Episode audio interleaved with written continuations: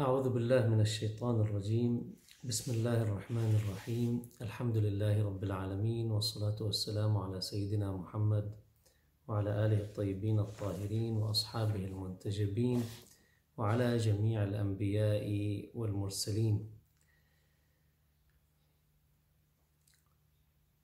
في القصص القرآني الكثير من العبر والله سبحانه وتعالى في كتابه العزيز ضمنه الكثير من المواقف التي وقفها الأنبياء وشخصيات أخرى. قد تكون شخصيات خيرة وقد تكون شخصيات شريرة في التاريخ الإنساني. وهو لم يقص علينا سبحانه وتعالى هذه القصص للتسلية. لم يقصها علينا من أجل كما يقال قصص قبل النوم.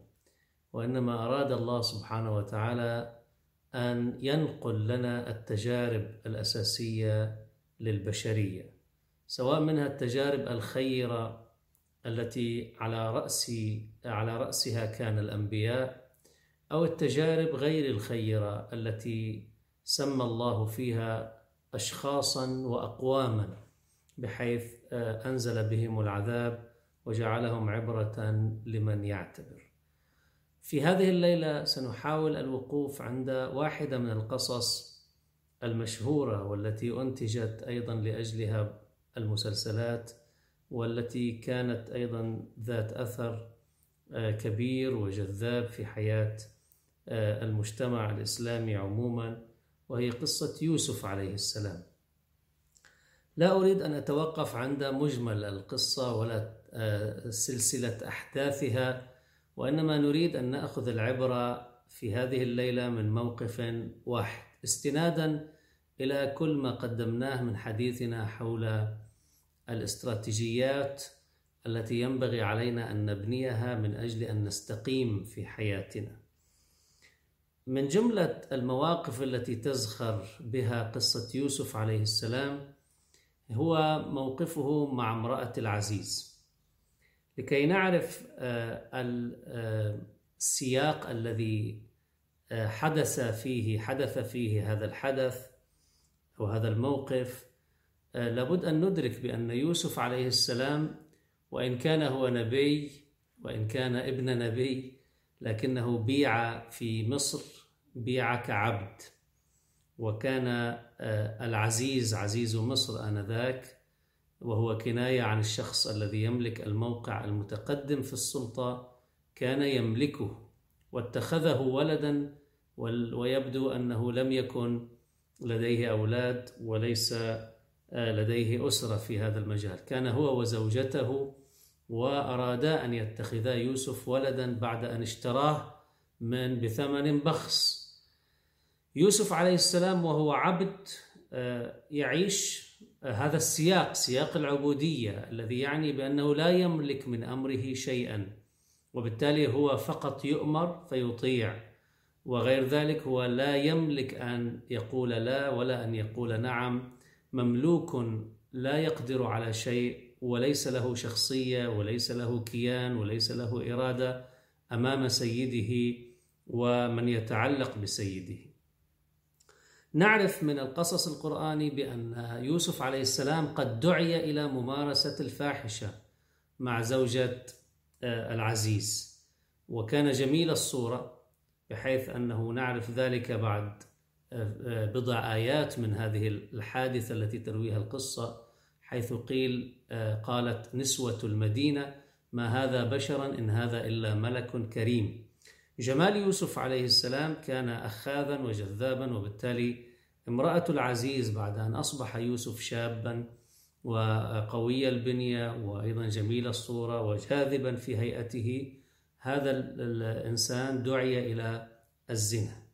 وكان هو عبد بالنهاية لابد أن يطيع ولكنه رفض ذلك وانطلق وهرب من الظرف الذي كان فيه والحال أن هذا الظرف في حد ذاته كان أو إمكانية الهرب فيه غير متاحة لأن امرأة العزيز غلقت الأبواب. تعبير القرآني مش أغلقت الأبواب وإنما غلقت الأبواب بحيث أحكمت إقفالها. وبالتالي ليس هناك من مجال للهرب.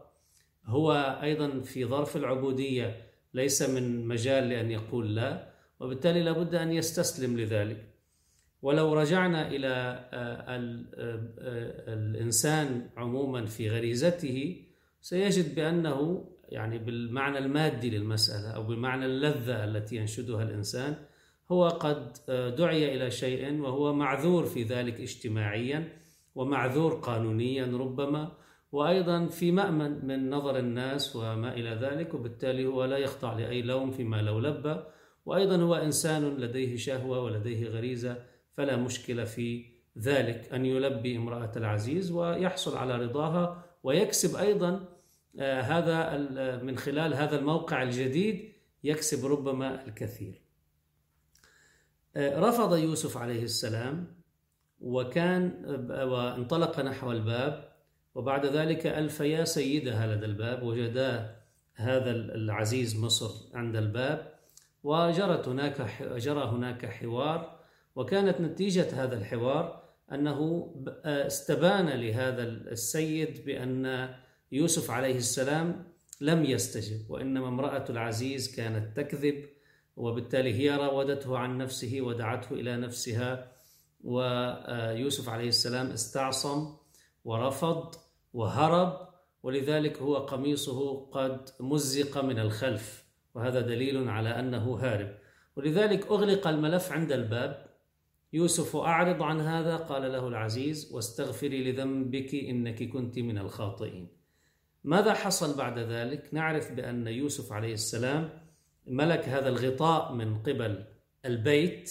إذا عزيز مصر آه، غطاه بمعنى هو عذره وعرف بأنه غير مذنب وهذا في حد ذاته بالنسبة لموقف يوسف جيد. إذا هو لن يدعى هناك عندئذ حذر مجد يعني مستجد من امرأة العزيز أن تدعو يوسف مجددا إلى نفسها. آه، لكن هناك أيضا هناك غطاء اجتماعي بمعنى أن نسوة المدينة وبنعرف عادة الأحاديث التي تجري في البيوت وراء الكواليس نسوة المدينة آه، كنا يتحدثن عن هذا الموضوع وكنا يلمن امرأة العزيز. وبالتالي أيضا الغطاء الاجتماعي ليوسف كان موجود. بحيث أن يوسف أصبح مغطى من داخل البيت من موقع السلطة والقوة لكي لا يدفع نحو ممارسة ما يخالف مبادئه وأيضا مغطى اجتماعيا. الذي صنعته امرأة العزيز بعد ذلك هو أنها دعت نسوة المدينة لكي تريهم الأمر والحدث والموضوع الذي فعلا هو مثار حديثهم وهم يلومونها لأجل ذلك. كأنها أرادت أن تكسب نقطة لصالحها وبالتالي الغطاء الاجتماعي يرفع عن يوسف عليه السلام نتيجة ذلك. وهذا ما حصل فعلا لأن هؤلاء النسوة عندما أتينا وجلسنا وكانت كل كل واحدة منهن تحمل سكينا لتقطيع الفاكهة وما أشبه ذلك فقالت ليوسف امرأة العزيز اخرج عليهن. فلما رأينه أكبرنه وقطعن أيديهن بمعنى جرحن أيديهن من دون الشعور نتيجة الأخذ بهذا المشهد الذي أمامهم صورة يوسف عليه السلام وقلنا حاشا لله ما هذا بشرا إن هذا إلا ملك كريم بعد ذلك ماذا حصل؟ إذا أصبح موقف امرأة العزيز لديه امتداد في مواقف نسوة المدينة وبالتالي أصبح الغطاء الاجتماعي مع من؟ كان مع يوسف فأصبح مع امرأة العزيز. ولذلك أخذت قوة من هذا الموقف وقالت امرأة العزيز عندئذ قالت فذلكن الذي لمتنني فيه هذا الشخص هو الذي تتحدثون عني بالسوء من أجله واليوم أنتم آه، تعاينون نفس الموقف وتمتلكون نفس المشاعر ولو كنتم مكاني كنتم دعوتموه إلى نفس الفعل ولئن لم يفعل ما آمره ليسجنن ولا, ولا يسجنن ولا يكونن من الصاغرين. إذا الموضوع أصبح محسوم. الصورة واضحة أمام يوسف عليه السلام وهو أن ما كان يتكئ عليه على المستوى الشخصي إنه ربي أحسن مثواي إنه لا يفلح الظالمون. انتهى الموضوع. إذا أنا على المستوى الشخصي لن أستسلم لغرائزي. أنا أملك الإرادة الصلبة. لكن يطلب للإنسان دائما مع البنية الداخلية الإرادة النية الإيمان مطلوب منه أن يحيط نفسه بظرف اجتماعي بمناخ اجتماعي آه، يدعمه وليس أنه مناخ اجتماعي يعمل ضده. تخيلوا هذا الموقف الذي أصبح ليوسف عليه السلام هو أنه في موقف اجتماعي ضعيف ولكن في موقف نفسي قوي لكن مع ذلك البشر بشر وله قدرة محدودة وبالتالي هو عبد أيضا غير مملوك لا يقدر على شيء. اذا ما الفرص التي باتت أمامه؟ لا شيء. يوسف عليه السلام هنا آه، القرآن الكريم يذكر لنا أنه توجه إلى الله سبحانه وتعالى بالدعاء وهذا الدعاء لافت. وهنا النقطة التي سنبدأ منها لنتحدث عن بعض العبر في هذه الليلة. الدعاء ماذا هو؟ يوسف عليه السلام عندما رأى بأن الغطاء الاجتماعي ارتفع وبالتالي أصبح هو أمام تهديد واضح إما السجن وإما الفاحشة وهو لن يتنازل عن مبادئه وبالتالي إذا كان السجن هو الطريق الوحيد للهرب من الفاحشة فإنه عندئذ لا مانع. سيستقبل السجن برحابة صدر. قال رب السجن أحب إلي مما يدعونني إليه. وإلا تصرف عني كيدهن.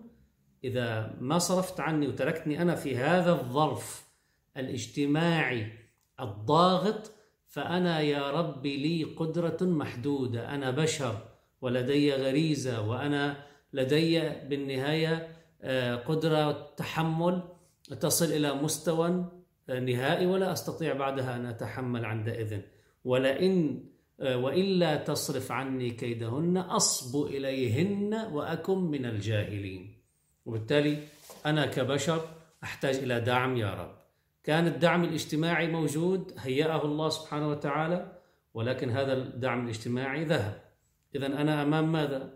أمام المعاناة أمام الألم أمام العزلة أمام الحرمان أمام ربما الإيذاء في السجن ولكن أنا أحصل من خلال ذلك على رضاك يا رب هذا الموقف ليوسف عليه السلام نستطيع اليوم أن نبني عليه الكثير فيما يخص حياتنا التي نعيش فيها. نعيش فيها التحديات، نعيش فيها الكثير من المشكلات، نعيش فيها الكثير من الضغوطات، نعيش فيها الكثير من الإغراءات، كل منا يعيش ضمن ظروف معينة. الذي ينبغي اليوم العمل عليه بشكل أساسي هو أن نعرف بأن الإنسان إذا ما أراد أن يستقيم في حياته فإنه لا يستطيع أن يستقيم فقط من خلال بنيته الداخلية وبحيث لا يعير اهتماما بالظروف التي تحيط به بالمناخ الذي ينوجد هو فيه بالمجتمع الذي هو يعيش فيه بالجماعة التي ينتمي إليها بالرفقاء والأصدقاء وما إلى ذلك الذين يحيطون به. ولذلك لابد للإنسان اولا أن يلتفت إلى أنه المحيط الاجتماعي الذي ينوجد الإنسان فيه هو يمارس لونا من ألوان الضغط أو يعمل بأحد اتجاهين. إما يعمل لصالح مبادئ الإنسان وإما يعمل ضد مصالح الإنسان. إذا الآن واحد عنده رفاق سوء حوله يدعونه إلى الضلال يدعونه إلى الهوى يدعونه إلى ربما السهرات التي فيها أمور دائما نسأل عنها في الفقه. ماذا لو كنا مع رفاقنا في الجامعة مثلا وكانوا يشربونهم الخمر هل يجوز لنا أن نجلس معهم؟ كان هناك رقص كان هناك غناء محرم وما إلى ذلك ماذا نفعل؟ ونحن رفاقنا كذلك. فيسأل يسأل عن كثيرا عن مثل هذه القضايا خصوصا مثل هذه الأيام. إذا أنا هل سأهتم بهذا الظرف الاجتماعي أو لا؟ يعني إذا لم نعره أهمية فقد يصل الإنسان إلى مستوى الدفاعات الموجودة في داخل نفسه تضعف لأن الإنسان آخر شيء عنده قدرة تحمل. إذا كان الإنسان خاضع للضغط وبالتالي هذا الضغط يمارس استمرار الدفع باتجاه أنه الإنسان يخالف مبادئ مبادئه. وبالتالي قديش بده يتحمل الإنسان عندئذ كبشر؟ إذا عم نحكي عن غريزة إذا عم نحكي عن حاجة أكل وشرب وما إلى ذلك قديش الإنسان بده يتحمل؟ لما بيكون الإنسان بموقع سياسي لما بيكون الإنسان بموقع اقتصادي مثلا مرتبط بحياة الناس وتأتيه إغراءات صفقات معينة ضغوطات سياسية من هذه المنظمة أو من هذه الجهة أو من تلك الدولة. إذا هو سيتحمل إلى أي مستوى؟ يستطيع أن يتحمل إلى مستوى معين تبعا لطبيعة بنيته الداخلية. لكن بعد ذلك ماذا يصنع؟ إذا لم يكن لديه هذا الظرف إذا هو عليه أن يفكر عن الخيارات المتاحة عندئذ لأن الأولوية لماذا؟ إذا كانت الأولوية لشهواتي وغرائزي سهلة. ولذلك يوسف كان سهل الموضوع بالنسبة له محمي اجتماعيا ومعذور وما إلى ذلك. بينما إذا كان الموضوع بالنسبة إلي المبادئ هي الأساس آه، رضا الله سبحانه وتعالى هو الأساس. إذا بيعود بصير الموضوع حساس بالنسبة إلي. ما في اقبل هكذا أنه أنا أنوجد في ظرف يعمل ضدي هذا الظرف. يعمل ضد مبادئي يضغط على مشاعري يضغط على أحاسيسي يضغط على حاجاتي يهددني ربما بنفسي وبأهلي وبعرضي وما إلى ذلك. وبعدين أنا والله بدي أقول أنه أنا سأتحمل لأنه أنا عم صلي الصلوات الخمس يوميا. هو النبي يوسف عليه السلام قال وإلا تصرف عني كيدهن أصب إليهن وأكن من الجاهلين. إذا واحدة من الأمور التي يجب العمل عليها هو أن يكون للإنسان دائما محيط اجتماعي يلجأ إليه. أن يكون هناك محطة دائمة للتغذية والحماية بحيث تعمل هذه المحطة أو هذا الظرف أو هذا الجو أو هذا المناخ يعمل بشكل آه، آه، لصالح الإنسان لصالح مبادئه لصالح ثباته. إذا هو أراد أن ينحرف يأتي ويقول له اصبر وتواصوا بالحق وتواصوا بالصبر. هذا إذا جانب أساسي في هذا المجال. وبالتالي إذا لم يكن هذا المجال موجودا مثل الإنسان اللي بيسافر اليوم إلى الغرب أو إلى الشرق حتى يعني ليس الغرب فقط هو آه، يعمل ضد مبادئنا بشكل وبآخر أيضا بالشرق قد يكون الإنسان في مواقع كثيرة أو حتى في بعض البلدان الإسلامية. مع الأسف اليوم أصبحت تضغط على كثير من الناس في دينهم وفي تقواهم. طيب إذا أنا سافرت إلى هذه المناطق ووجدت في ظرف اجتماعي هذا الظرف الاجتماعي مادي لا يذكرني بالله بالعكس في كثير من المفاهيم كثير من القواعد للسلوك كثير من الاتجاهات وربما كثير من المغريات أيضا موجودة. system وحده بس تنوجد فيه هو بحد ذاته كافي لحتى يعمل لك جذب إليه آه، وبالتالي بتحس حالك مضغوط آه، بنفسك مضغوط بمشاعرك مضغوط بغرائزك مضغوط بشهواتك إذا ماذا يصنع الإنسان؟ لابد أن يعمل الإنسان على أن يكون له محيط يدعمه ولذلك آه، إذا مطلوب تأسيس مؤسسات تربوية وتعليمية ودينية ووعظية وثقافية يجب العمل عليها ليش يجب العمل عليها؟ لأن جزء من استقامة الإنسان شرط من شروط استقامة الإنسان آه، إلى جانب بنائه الداخلي هو المحيط الخارجي الذي ينوجد فيه. هذا ما تعلمنا إياه قصة يوسف عليه السلام. وبالتالي لابد أن إذا عندنا نوع من خلينا نسميه الضغط من جهة عندي تنفيس من جهة ثانية. إذا عندي جاذب من جهة بدي أنا أوجد أيضا بيئة جاذبة من جهة ثانية. هذه تعمل لي وإن كانت تلك تعمل ضدي. لكن بيصير في عندنا نوع من التوازن على الأقل في هذا المجال. الأمر الثاني الذي يجب أن نوليه عناية انطلاقا من قصة يوسف عليه السلام هو أن نكون مستعدين للتضحية. يعني إذا كان الخيار هو أن أفقد أنا استقامتي ومبادئي آه، أو أن آه، أضحي بشيء ما بموقع ربما اجتماعي ربما بوظيفة وأنتقل إلى وظيفة أخرى ربما أقل من ناحية الراتب مثلا آه، الشهري وما إلى ذلك. هل أنا فعلا مستعد للتضحية؟ كما ضحى يوسف عليه السلام دخل السجن والسجن نعرف ما في قلب السجن من منع من الحرية ومن ظلم واضطهاد وما إلى ذلك وتضييق ومشاعر وأحاسيس ضاغطة أكثر مما يكون الإنسان في الخارج. هل نحن مستعدون للتضحية؟ ما تعلمنا إياه قصة يوسف.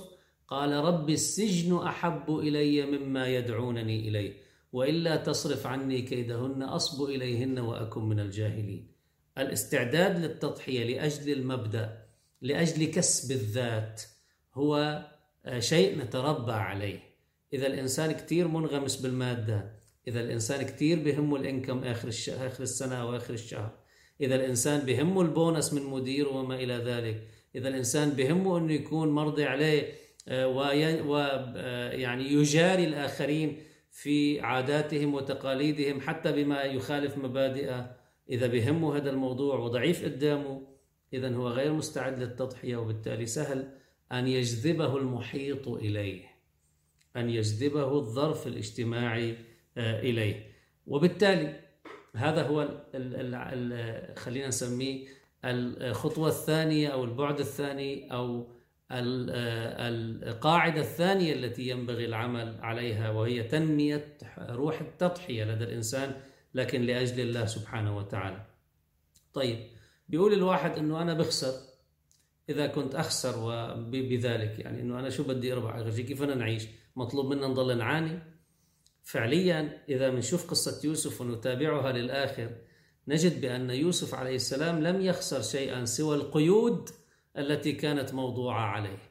القيود التي كانت موضوعة عليه في بيت العزيز مع امرأة العزيز. القيود التي كانت موضوعة عليه كعبد. القيود التي كانت موضوعة على طاقاته هو لا يستطيع أن يحركها كيف يشاء لأنه لا يملك القوة وبالتالي هو محكوم للسيستم الموجود لا يستطيع أن يغير فيه شيئا. انتصار يوسف عليه السلام على نفسه انتصار يوسف على نفسه ودخول السجن كان هو النقلة النوعية التي نقلت يوسف بالرغم من كل الآلام الموجودة في داخل السجن نقلت يوسف من موقع إلى موقع آخر 180 درجة. صيره الله آه، ملكا بعد أن كان عبدا. صير المالك له عبدا له بعد أن كان له مالكا. انطلاقا من ماذا؟ انطلاقا من الحرية التي نعم فيها يوسف أو بها يوسف عليه السلام أمام شهواته وأمام غرائزه وأمام قيوده التي وضعت عليه من دون الله سبحانه وتعالى. ولذلك الله يعلمنا أنه في حالة الانتصار على الذات سيفيض الله سبحانه وتعالى على الإنسان الكثير من النعم ويعطيه القوة ويعطيه العزة ويعطيه المنعة وينقله من حال إلى حال أفضل. لكن هل هذا الأمر آه، يحتاج إلى شيء؟ نعم. يحتاج إلى توكل على الله سبحانه وتعالى. يحتاج إلى ثقة بالله عز وجل. يحتاج إلى أن نشعر بأن ما عند الله عز وجل مما يعطينا إياه نثق به أكثر مما هو عندنا. يعني رزق الله اللي عند, اللي عند الله سبحانه وتعالى الذي يمكن أن يمنحنا إياه هو نثق به أكثر من حسابات البنوك الموجود فيها الأرقام الفلانية والفلانية. الموقع الذي يعطينا الله سبحانه وتعالى ويهيئه لنا هو نثق به أكثر من وظيفتنا اللي نحن الآن نمارس العمل فيها. هذا كله يحتاج إلى بناء علاقة قوية مع الله سبحانه وتعالى وبالتالي نحصل على النصر على نفوسنا فننتقل من حال إلى حال أفضل. ولذلك إذا الواحد فعلا ملاقي حاله آه، تعبان إذا ملاقي حاله منزعج من وضعه ربما الذي هو فيه فليفتش فعليا. قد يجد بأن بعض الأمور يحتاج فيها إلى أن ينتصر فيها على ذاته. يحتاج إلى أن يكسر مخاوفه يحتاج إلى أن يكسر قلقه يحتاج إلى أن يثق بالله سبحانه وتعالى أكثر. بالتالي سيجد بأن انتصاره على الذات وتضحيته ببعض الأمور هو في حد ذاته يمثل نقلة نوعية له من حال إلى حال أفضل. هكذا تعلمنا سورة يوسف عليه السلام ونعرف بأن هذه السورة زاخرة بالكثير من المضامين الإلهية آه، التي بينها الله سبحانه وتعالى آه، وعلينا فعلا أن نستفيد منها لحياتنا بما آه، ينفعنا وبما يحقق استقامتنا وتقوانا. وهذا هو الدرس الأساس من هذا الموقف بالذات. وأيضا من مواقف أخرى ليوسف عليه السلام So, as we have said, uh, Yusuf alayhi salam was bought as a slave in Egypt by a man of power who was called Al Aziz, Azizu Misr. And his wife, uh, at a certain time when Yusuf uh, gro- has grown and become a man, and he was very beautiful, uh, his wife, the, the Aziz wife, uh, the, closed the doors, locked the doors, and called him to commit the sin with her.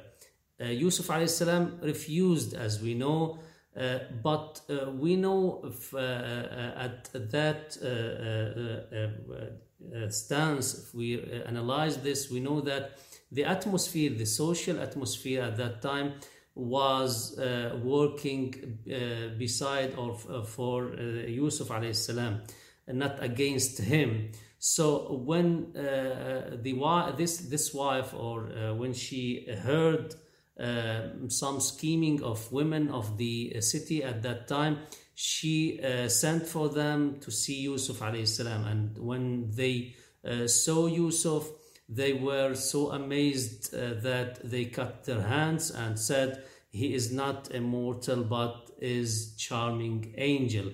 So here, Yusuf alayhi salam lost uh, lost the uh, the social atmosphere which was protect which was uh, considered as a kind of protection of him against the will of uh, this wife and uh, then uh, she took uh, a power from this uh, this uh, uh, stance of of the of those women. And then she said uh, this is the one whom you blamed me. If he will not do what I order him he will surely imprisoned. And Yusuf alayhi found at that, at that time that the prison is the only way to escape from this, uh, this uh, position. And he wanted uh, actually to be away from uh, the calling of committing sin uh, at that time. So he, he, uh, he uh, uh, called Allah subhanahu wa ta'ala he raised his dua for Allah subhanahu wa ta'ala and said to Allah subhanahu wa ta'ala and said, um, uh, Oh my Lord, prison is more to my liking than that to which they invite me. If you don't avert me their plan, I might incline toward them and thus be of the ignorant. So Yusuf alayhi salam uh, uh, cho- chose at that time the prison um, because he want to gain himself and to, he want to be uh, in uh, the straight uh, path uh, on uh, on his uh, values that he has on his, his faith and he didn't want to lose himself at that time what we gain or what we deduce uh, from uh, such uh, uh, stance uh, or, or story uh, we, ha- we have actually three uh, main uh, things or conditions we have to be aware of. The first is we have to be aware of the weaknesses that we uh, we have in our in our personalities. Uh, so we have to work on them and to strengthen them uh, in order to be uh, to be strong against these uh, this kind of calling uh, to commit sins. And we have many callings in our society if we refer to our lives. We have to be honest uh, with ourselves and we have to confess uh, uh, that we have some weaknesses and we have to be uh, to be strong and to, to work on on them. The the third issue here is that we have to uh, work on uh, on re- preparing a, good circumstances around us, a good surrounding which uh, provide us with a strength. Uh, if we have some weaknesses in our personalities, in order to be straightful uh, in the path of Allah, uh, and not to be attracted to to what we what we have, which denies this this this obedience of the will of Allah subhanahu wa ta'ala. So uh, this surrounding plays a, a very important role uh, with or against us. So we have to prepare this and we have to work on this, not to let these circumstances, uh, circumstances that we have um, by default, for example, to uh, to be the uh, that the, the our destiny. Uh, so the last point uh, we can derive from all uh, of this or these three points that we have to be ready to give sacrifice of what we like for what Allah subhanahu wa ta'ala uh, loves. And uh, finally, we have uh, to know uh, that the victory we achieve in such tests uh, is the bridge uh, to, to have the blessings of Allah subhanahu wa ta'ala. Like Yusuf alayhi salam, he had these blessings and he transformed, transformed Allah subhanahu wa ta'ala, transformed or he uh, Uh, he uh, uh, took him from a certain position who was uh, which which was weak uh, position for him. He was a, a slave at that of that family, and he became Aziz Misr, and he became a man of power because he has this victory. he had this victory on his desires against the uh, what all the society wants him to do but he gained Allah subhanahu wa ta'ala and Allah gave him a lot. This is what we derive from the story of Yusuf alayhi salam and we have to uh, be aware of deriving such lessons from uh, all the stories of the Quran because uh, they are rich, uh, rich uh, and full of these lessons in uh, many ways, but we have to read them in uh, in uh, in our or due to our living to our livings to our life and then we can gain many things or many lessons that uh, we, we can get benefit from نسأل الله سبحانه وتعالى أن يعيننا على أنفسنا بما يعين به الصالحين على أنفسهم والحمد لله رب العالمين